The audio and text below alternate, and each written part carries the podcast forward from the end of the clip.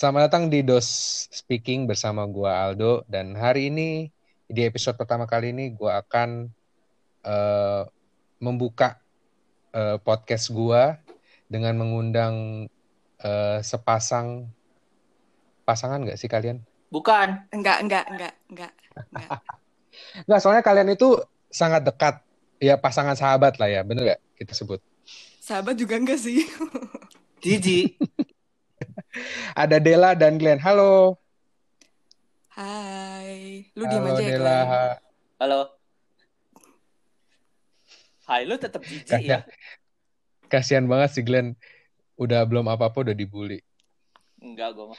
Eh boleh eh, pertama-tama boleh perkenalkan dulu nggak? Eh, maksudnya eh, jadi hari ini sih sebenarnya kita bakal ngomongin soal eh, dilema apa ya kebanyakan eh, sarjana S1 yang kira-kira setelah S1 tuh biasanya mau ke mana sih? Antara mau S2 atau mau kerja langsung. Nah itu kan biasa menjadi problema eh, problema atau misalnya jadi eh, apa ya pilihan dari eh, teman-teman kita yang baru lulus S1. Nah, eh, di sini ada Dela yang kebetulan sekarang lagi S2 di Prancis Berat, berat, berat. Berat. eh, dan si Glenn yang yang setelah lulus S1 kemarin langsung kerja. Yoi, Eh, sempat magang juga ya Glenn ya? magang dulu. Betul. Eh, sempat magang dulu. Nah, pertama-tama kita coba ke Dela dulu deh. Dela, Wah, kok gue dulu ya? Ya udah boleh. nggak apa-apa.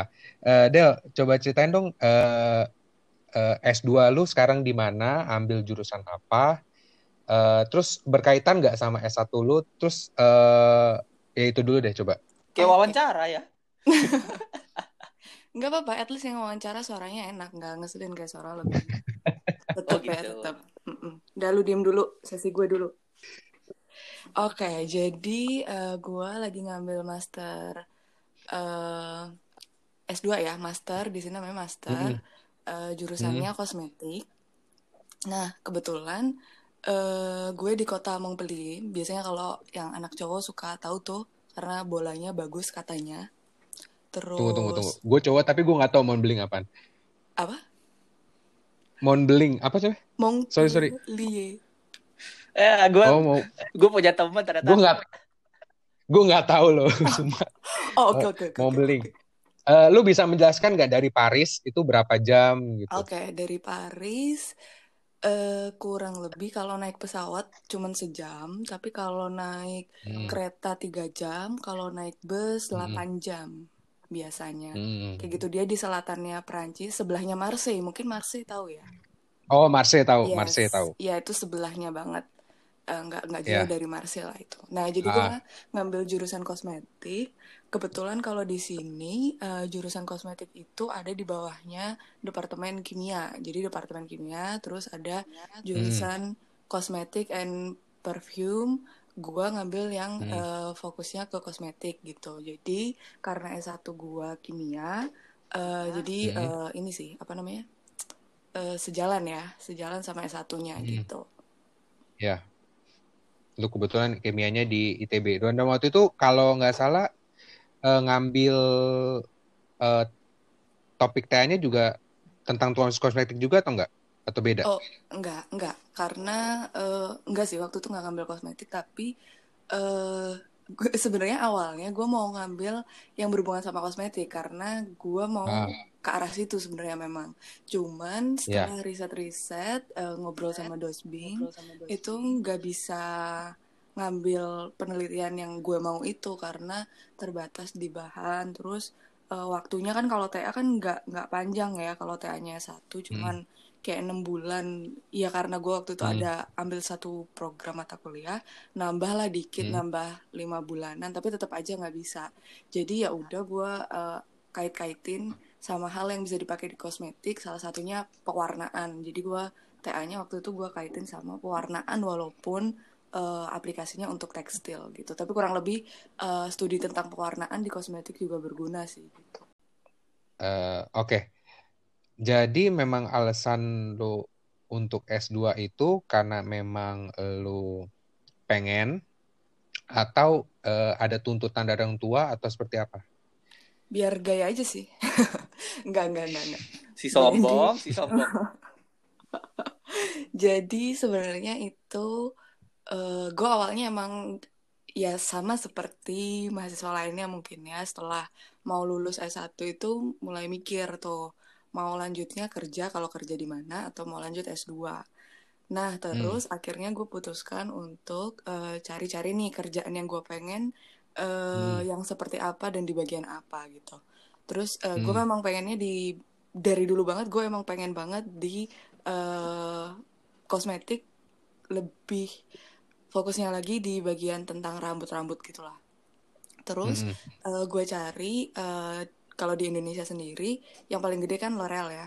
Jadi gue cari-cari Hmm. di site-nya L'Oreal, terus Unilever juga. Ah, apaan tuh? Udah biarin aja. Lanjut Oke. aja.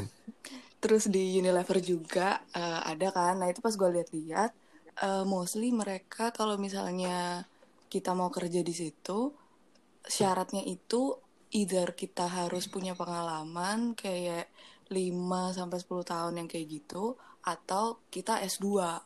Nah, akhirnya gue Ah. pikir kalau misalnya gue harus ada pengalaman 5 sampai 10 tahun, susah juga. Gue harus mulai dulu Ah. dari yang lain, terus mungkin baru setelah itu bisa ke kosmetik itu juga kalau bisa ke situ ya. Kalau enggak, eh, gue nggak tahu Hmm. gimana caranya gitu. Waktu itu gue nggak kebayang gimana caranya untuk dapat pengalaman 5 tahun dan bisa ke kosmetik yang gue mau itu apakah bisa? Itu gue nggak ada kebayang sama sekali.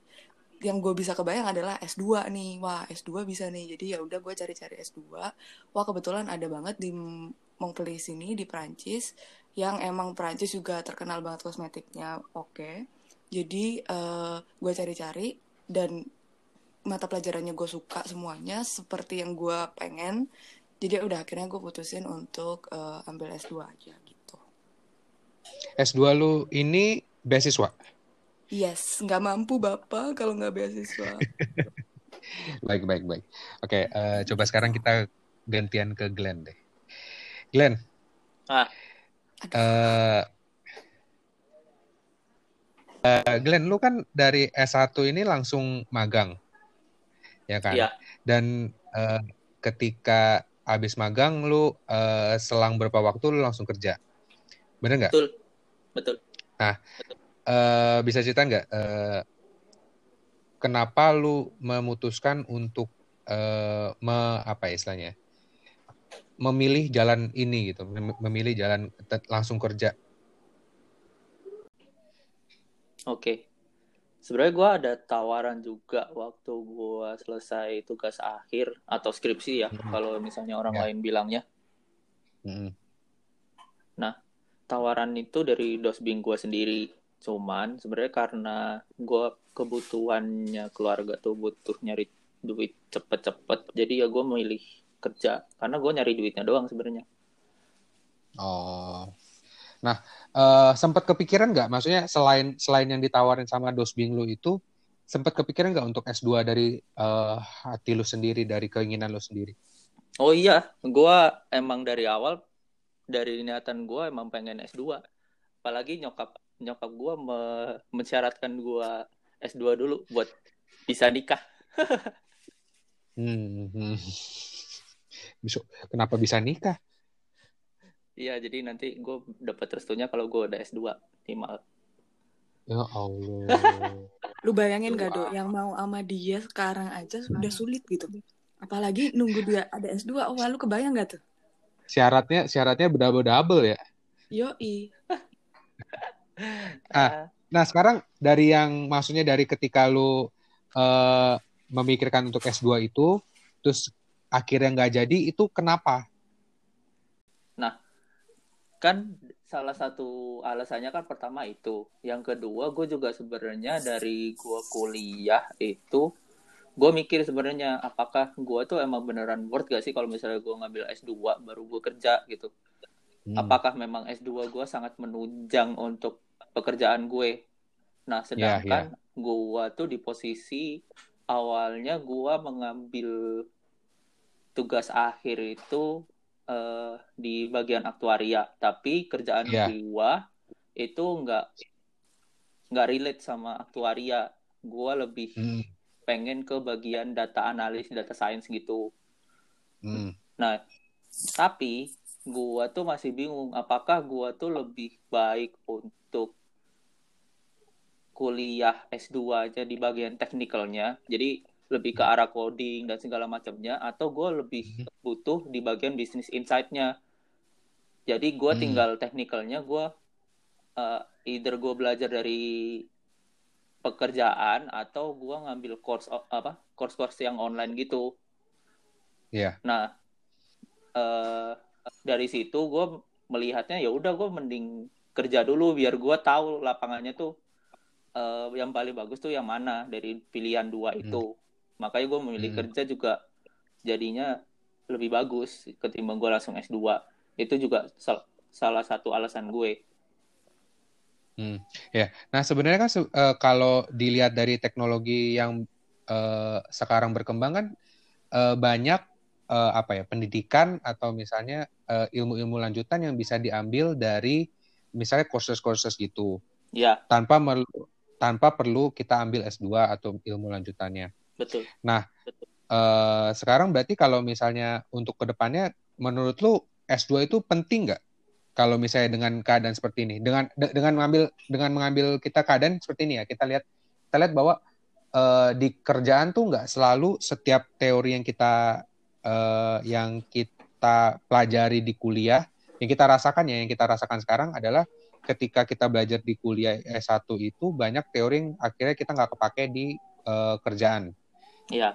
Nah, ya. itu yang kita yang kita udah pernah alami di uh, di kerja. Nah, sedangkan kalau misalnya kita nambah teori lagi untuk S2, uh, eh, itu kan kayaknya semak, kayaknya kan semakin banyak tuh teori yang kita dapatkan tapi belum tentu kepake di kerjaan. Sedangkan kita punya course-course yang uh, lebih apa ya, lebih teknikal atau lebih to the point terhadap apa yang kita butuhkan di kerjaan. Nah, menurut lu gimana, Glenn? Nah, itu emang gue juga merasakan hal yang sama sebenarnya.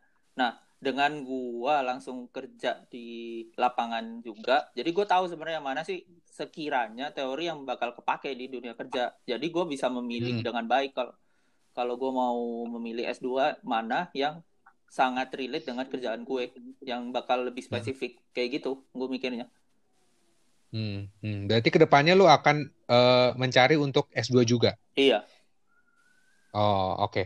Nah, Del, kalau hmm. misalnya lu lihat keadaan juga sekarang nih, Hmm. Eh, kira-kira setelah lu lu kan udah berapa tahun sih S2 baru setahun ya? Belum setahun bahkan nanti Agustus baru Belum setahun. Ya? Uh, Oke. Okay. Hmm.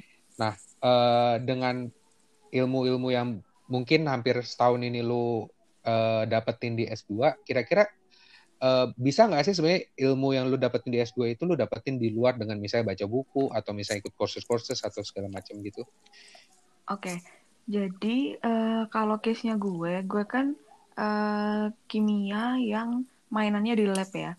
Kalau tentang hmm. uh, apa namanya pelajarannya itu bisa hmm. banget karena jujur di sini juga kemarin kan ini gue ngambil course-nya yang taught in French kan.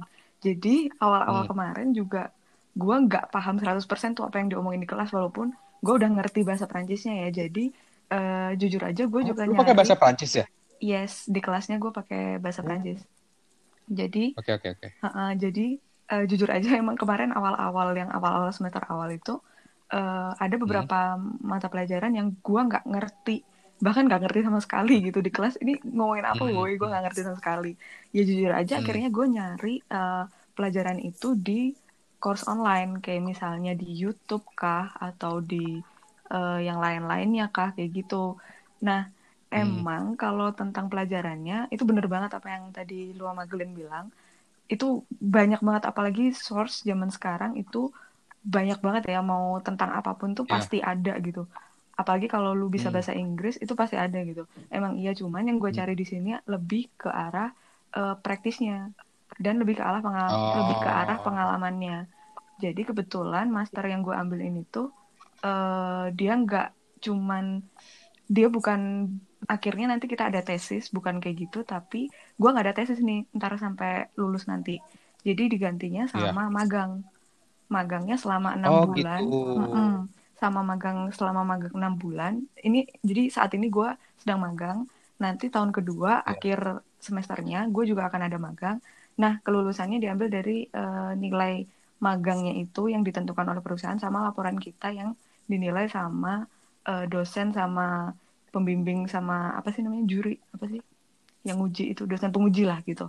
Nah kayak gitu sih. Oh, dosen penguji ya. Mm-hmm, kayak nah, gitu. uh, nah tapi kan sebenarnya kan uh, apa ya banyak anggapan banyak stigma juga yang kalau di perusahaan kita ngelihat bahwa uh, kalau kita bicara tentang lulusan S2 itu kadang-kadang suka ah ini kayaknya uh, kurang nih experience-nya kayak lack of experience banget gitu loh. Jadi kayak kalau misalnya diterima kerja uh, apa ya kalau misalnya mau penerimaan kerja mereka kadang-kadang masih mikir dua kali untuk menerima S2.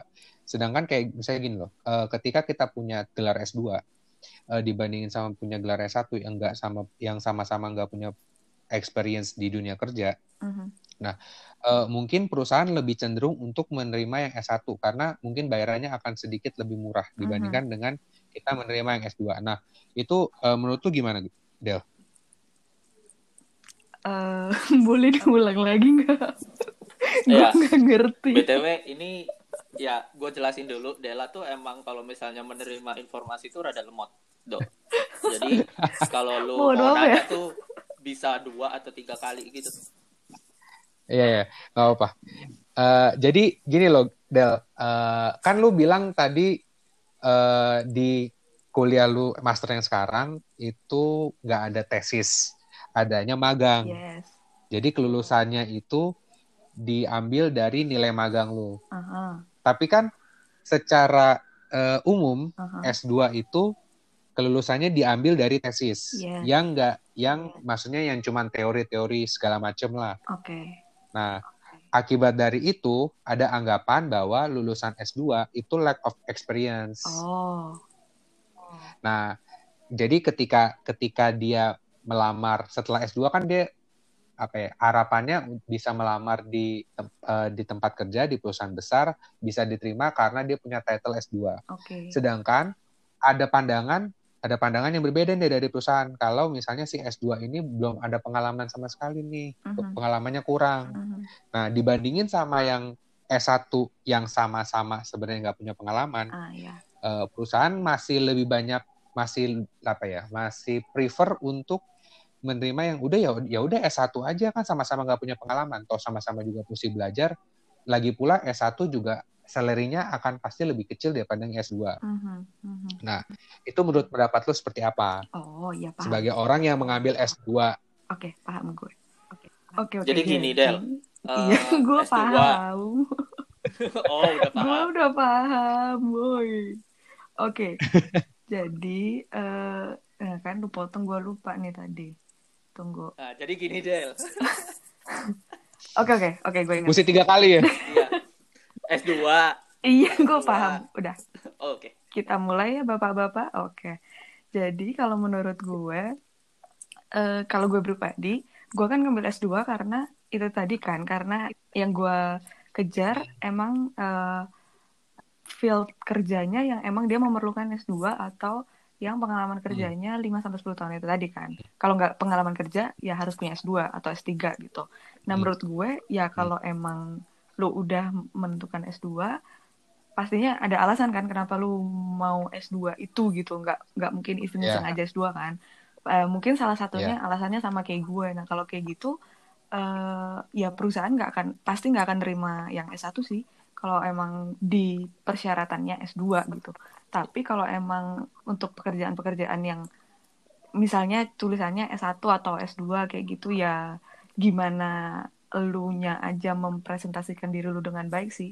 Gimana cara lu menjual diri lu dengan semua pengalaman yang uh, udah lu dapet selama S2 itu sih. Maksudnya uh, gimana how to valorize yourself gitu kan. Kayak gimana ya? Ya pasti selama dua tahun lu nambah S2 ada sesuatu yeah. yang bisa lu peroleh lebih dari anak yang baru cuman S1 kan. Mungkin misalnya uh, dari skripsi lo sama tesis lo pasti akan ada hal berbeda yang bisa lo ambil gitu kan. Dibanding sama anak satu hmm. yang cuman baru skripsi aja misalnya kayak gitu. Dan setahu gue kalau misalnya hmm. S2 ada tesis itu eh, pelajaran sama penelitian itu lebih banyak di penelitiannya. Jadi mungkin lo bisa valorize lebih di bagian lebih bisa mandiri dalam uh, bekerja lebih bisa mandiri dalam melakukan penelitian. Yang misalnya kayak gitu itu pasti bisa lah lo jual juga gitu. Jadi ya kalau masalah itu sih tinggal hmm. gimana lo menjual diri lo aja sih ke perusahaan. Untung lo jelasin ulang ya kalau Aldo tuh tipenya orang kalau misalnya lo ngomongin bahasa Inggris nggak paham dia tapi uh, uh, uh, uh, uh, enak aja. Enak aja lo. Paham gua. Emang tadi artinya apa Gledel Oke. Okay, gak, gak, gak, gak, Ya, yeah, gue paham sih. Uh, nah, kalau uh, dari Glenn sendiri, sekarang kan lu kan di, di tempat kerja kan? Iya. Yeah. Nah, lu di di bagian data analytics bener? Gue sekarang di bagian konsultan sebenarnya, tapi emang uh. konsultan gue juga banyak uh, ber banyak kerjaannya di bagian coding juga kayak data analisis hmm.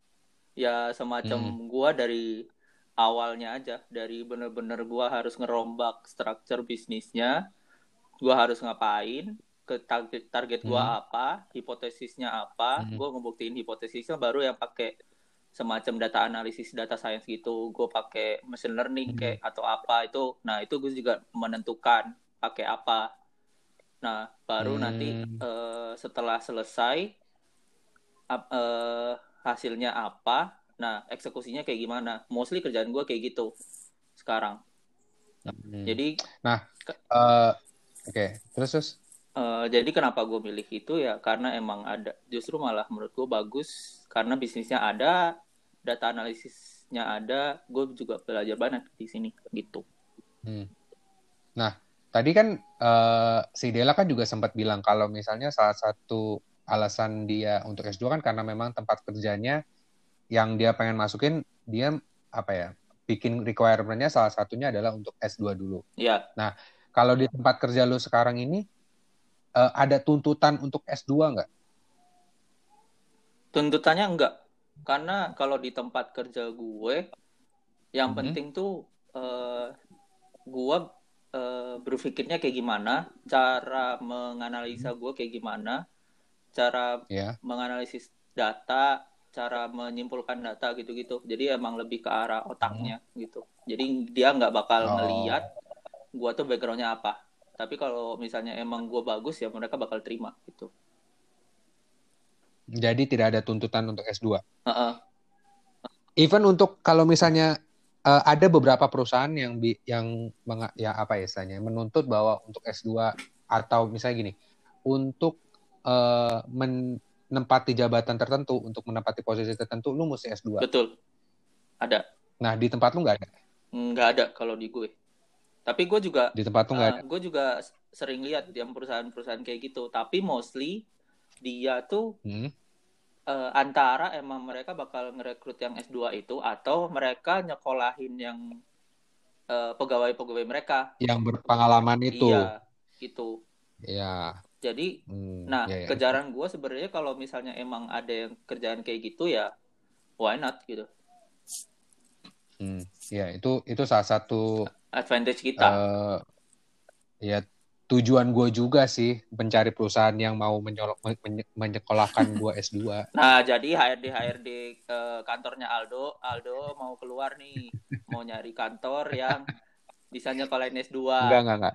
Langsung bilang enggak. Enggak, tapi gue ya tapi gue sekarang tapi gue sekarang lagi fokus kalau di kalau gue kan di aktuaria kan lebih fokus ke sertifikasi. Hmm, Oke. Okay. Iya, iya, iya. Nggak nanya sih do tapi. Hmm. Nggak apa-apa do info buat gue. Ya, gue nggak tahu. Gue nggak tahu do. Nggak apa-apa do. Gue belain do. Ya. Nah. Enggak. Tapi kan do. Glenn itu dulu. Eh. Glenn itu dulu juga pengen pengen pengen jadi kayak gue tapi berpindah haluan dia. Oh, otaknya nggak ya. nyanggup ya? Bukan. Bukan. Bukan. Beda kalau gue mah. Gak tahu. Gak tahu kenapa dia. Tadi kenapa Glenn? Kan kita udah ngejelasin, Dok. Tapi kan lu juga sama kan kayak uh. gue. Lu memilih kerja dulu baru S2. Tapi lu gak ngasih tahu yeah. kenapa lu memilih kerja dulu baru S2. Wah, tumben lu Glenn nah, bisa. Kalau gue... Gue mager aja kalau kalau gue sama lu deh. Oke, silahkan Aldo. Iya. Kalau kalau gue sendiri sebenarnya uh, kenapa memang nggak mau mengambil uh, eh, S2 karena memang itu tadi pekerjaan gua yang gua pengen tekuni sebagai aktuaria itu uh, lebih apa ya lebih difokuskan ke sertifikasi tersebut jadi kan kalau di aktuari itu kan ada sertifikasi yang nasional yang Indonesia punya ada juga internasional yeah. nah yeah. gue lebih apa ya lebih pengen uh, coba deh difokusin ke situ dulu karena uh, banyak perusahaan asuransi lebih melihat di uh, sertifikasi tersebut entah itu di PAI atau di SOE-nya. Nah, tapi sebenarnya gue juga pengen nih ketika gue udah uh, apa ya istilahnya, udah punya sertifikasi tersebut, gue juga sebenarnya pengen untuk ngambil S2, tapi S2-nya nggak sesuai dengan S1 gue. Gue lebih pengen ke manajemen. Kenapa? Karena untuk mengincar posisi-posisi yang jabatan yang manajerial tersebut gitu. Yang untuk lebih berkarir lah dalam perusahaan. Hmm. Gitu. Hmm. hmm, hmm. Kita balik lagi ke Dela. Del, lu kan S2 itu dua tahun. Mm-hmm. Nah, nah, itu rencananya setelah S2 lu akan lanjut S3 nggak? Aduh, gue udah nggak sanggup sih kalau S3. udah nggak mampu otaknya, coy. Nah, uh, itu uh, maksudnya kan banyak orang yang ada yang bilang kalau misalnya setelah S2 nanggung tuh nggak lanjutin S3. Uh, eh, menurut pendapat lu gimana? Kalau kata gue sih nggak nanggung ya, karena S3 tuh masih panjang perjalanan hidup, masih kalau yang di Indo itu oh. setahu gue masih lima uh, tahun gitu kalau nggak salah. Di sini hmm. pun juga sama sih, uh, sekitar 4-5 tahun lagi, jadi hampir sama kayak satu bahkan lebih lama gitu. Dan itu kayak Dan... murni penelitian gitu kan, jadi banyak penelitiannya kelasnya dikit doang jadi bener-bener research yang kayak gitu kalau kalau field gue ya jadi uh. wah kurang kurang mampu kayaknya kalau kalau sekarang sih gue belum ada keinginan gitu kalau gambaran nih ya dok S1 kan uh. kita empat tahun nih ya kan hmm. Nah S2 tuh rata-rata 1 sampai dua tahun hmm. sedangkan kalau misalnya S3 itu 3 hmm. sampai lima tahun jadi kalau misalnya Baik. lu ngomong uh, dari S1 nanggung. nih, nanggung gak sih lu S2? Ya mungkin lu bisa ngomong nanggung karena hmm. satu sampai dua tahun kan mungkin ada yang berpendapat itu uh, waktunya nggak lama gitu kan. Kalau misalnya ya, tiga, hmm. tiga sampai lima tahun ya cukup lama gitu. Hmm. Ya kalau satu sampai dua tahun itu semacam gap year aja sih ya sebenarnya ya. Hmm. Iya. Bisa dianggap kayak gitu. gap year. Dan hmm. itu juga nggak nggak nggak pasti 3 sampai lima tahun, bisa lebih panjang. Iya. Tergantung iya. dari penelitiannya. Betul sekali. Iya. Apa oh, kalau iya, iya. setahu gue S3 itu ya? wajib ini apa publish jurnal. Hmm. Dan itu dan itu jurnalnya itu juga belum tentu diterima kan? Yes, Atau betul misalnya sekali. Iya iya iya iya iya. Hmm. Jurnalnya nah, kalau, jurnal gimana, internasional gimana? juga. Nah, jurnal internasional tuh banyak kriterianya juga kan?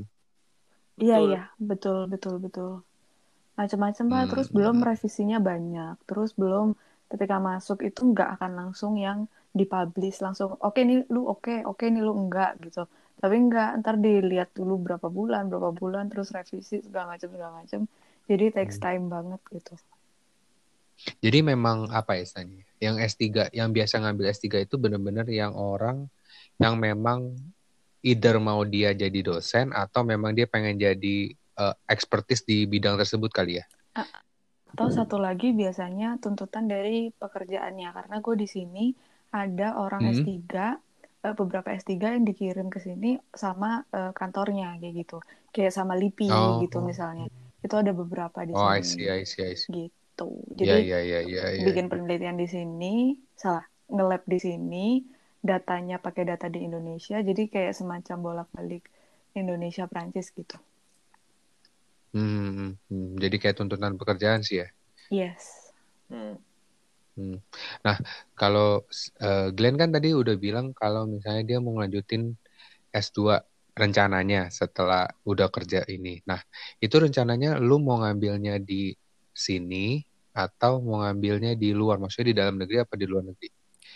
Eh, eh, dengan dengan dengan apa ya dengan keadaan lu kan juga sebenarnya kan lagi kerja iya ya kan? iya lagi kerja Nah, sekarang kalau misalnya lu lu ada ada misalnya kepikiran untuk S2, mau lu nanti mau sambil kerja juga dengan kerjaan yang sekarang atau misalnya lu misalnya resign dulu terus lu S2 baru nanti lanjut cari kerja lagi atau gimana? Uh, Oke. Okay. Ya, jadi kan gue ada beberapa jurusan yang gue mau sebenarnya. Iya. Jadi antara gue mau di bisnis atau di ekonomi atau di lebih spesifik di data science gitu-gitu. Iya. Iya. Itu gue lihat tiga-tiganya itu semuanya bagusan di luar. Satu. Iya. Nah, kalau okay. misalnya uh, masalah pekerjaannya bakal gimana, itu hmm. juga tergantung uh, kantor gue pada saat nanti gue kerja kan. Kayak hmm. uh, eh, gue ambil contoh di temen gue tuh bisa S2 karena emang dikirim juga di dari kantornya jadi memang ada keterikatan juga kan sama kantornya kayak tadi hmm. dia bilang yeah, yeah, juga yeah. yang kayak dari LIPI kan S3 tadi yeah. dikirim kan nah, kalau kayak gitu kan berarti nggak masalah dong emang oh. uh, dari kantornya ya justru yang yang yang yeah. kirim gitu tapi kalau misalnya memang hmm. nggak hmm. bisa ya gue lebih memilih untuk cut sih maksudnya untuk resign dulu baru lu lanjutin S2 nanti cari kerja lagi gitu. Iya. Oh, karena memang lu uh, apa ya istilahnya? Memang tujuannya memang untuk S2 dulu, belajar dulu, uh, memperkaya diri lu dulu baru nanti uh, lu mem, apa ya istilahnya? Uh, menjual dari hasil yang lu kumpulkan itu nanti ketika lu mau kerja lagi gitu ya. Mm -hmm. Nah, mm -hmm. gue juga dapat contoh dari uh, cutting gua di tempat hmm. gua magang juga dulu. Hmm. Jadi dia tuh pernah S2 tapi di luar negeri kan. Nah, dia hmm. resign hmm. tuh dari kantor magang gue. Hmm. Selama dua tahun dia kuliah, dia yeah. balik, dia ngelamar lagi ke kantor yang sama. Ke kantor dia Dan dulu. diterima. Diterima. Oh. Uh -uh, jadi karena memang alasan resignnya itu karena memang alasan resignnya itu karena memang untuk sekolah sih ya. Iya. Hmm. Iya iya iya oke oke. Nah uh, untuk penutup sih sebenarnya uh, coba dong kasih apa ya ini ya uh, pesan deh buat teman-teman kita yang lagi dengerin ini kira-kira dalam uh, memilih antara S2 sama kerja tuh uh, pertimbangannya seperti apa dan uh, pesan-pesan buat yang dengerin tuh yang sekarang mungkin lagi bingung setelah S1 mau S2 atau kerja itu gimana menurut kalian? Mulai dari Dela dulu deh. Oke, okay, kalau menurut gua uh, balik lagi ke tujuan awal kita maunya ke mana setelah uh, itu semua gitu. Apakah kita mau hmm. memang butuhnya kerja langsung karena kebutuhan kita saat ini dan ke depannya lebih butuh langsung kerja atau kita hmm. butuh uh, kayak yang gue ceritain sebelumnya uh, kalau misalnya gue gue butuh S2 karena kerjaan yang gue pengen mengharuskan gue minimal S2 gitu ya kalau yeah, emang kayak yeah, gitu yeah. ya lebih baik ambil S2 gitu apalagi kalau emang pekerjaan-pekerjaan yang diincar emang kebanyakan uh, syaratnya mintanya S2 kayak gitu. Pasti kita kan hmm. cari-cari hmm. dulu tuh kan uh, kerjaan yang kita ya. mau yeah. uh, seperti apa persyaratannya, apakah kita bisa apa enggak. Menurut aku yang paling penting itu sih jangan jangan apa ya namanya jangan takut lihat sekitar kayak ih dia kok udah kerja ya aku juga pengen dapat uang atau apa hmm. menurut gue jangan kayak gitu karena banyak nih yang gue lihat kayak gitu juga jadi ikut ikutan jadinya jadinya ikut ikutan orang hmm. Padahal mungkin memang dia kerja karena dia butuh kerja pada saat itu. Tapi kita mungkin hmm. kita bisa uh, bisa nggak kerja dulu, tapi bisa dengan kuliah dulu supaya nanti dapat kerjanya kita mau. Gitu juga bisa gitu kan. Hmm. Jadi menurut gua itu sih. Hmm. Nah kalau dari Glenn? Ya sama sama. Sangat tidak menarik saudara-saudara. Ada. Aduh. Emang pasti sengaja... punya pendapat lain. Emang sengaja gue punya pendapat kayak lain. gitu biar. Emang sengaja gue jawabnya kayak gitu biar biar mati omongannya. Tuh. Enggak dong. Biar apa ya? Ada pendapat lain pasti kan, ada opini lain atau enggak istilahnya pesan pesan dari dealer dealer buat teman-teman yang dengerin. Ini seperti apa deh? Nah, sebenarnya jawaban gue juga emang beneran sama sama Dela. Cuman kalau misalnya bisa nambahin adalah emang planning lu aja yang kudu bener gitu. Dari awalnya hmm. memang tujuan lu udah lu udah tahu nih target hmm. lu apa gitu misalnya target hmm. gue dalam dua tahun ke depan gue harus gini gini gini gini gini gue harus ngincer kerja yang gini gini biar gue bisa gini biar terus habis itu lima tahunnya kayak gimana sepuluh tahunnya kayak gimana nah dari situ lu baru bisa menyimpulkan sebenarnya lu mau kuliah dulu kuliah lagi untuk S2 atau memang lu butuhnya kerja gitu hmm. itu ya, menurut ya, gue ya. yang uh, paling menjawab sih kalau kata gue. Jadi balik lagi ke tujuan kita masing-masing lah ya sebenarnya mm -hmm. ya intinya. Ya sebenarnya sih memang apa gimana? Uh, tujuan dan kebutuhan. Mm, betul. Ya sometimes, betul. Sometimes kan emang lu emang lu punya tujuan gini gini gini tapi karena kebutuhan lu harus mundur karena kebutuhan itu ya mau gimana lagi gitu. Ya ya ya. Setuju setuju.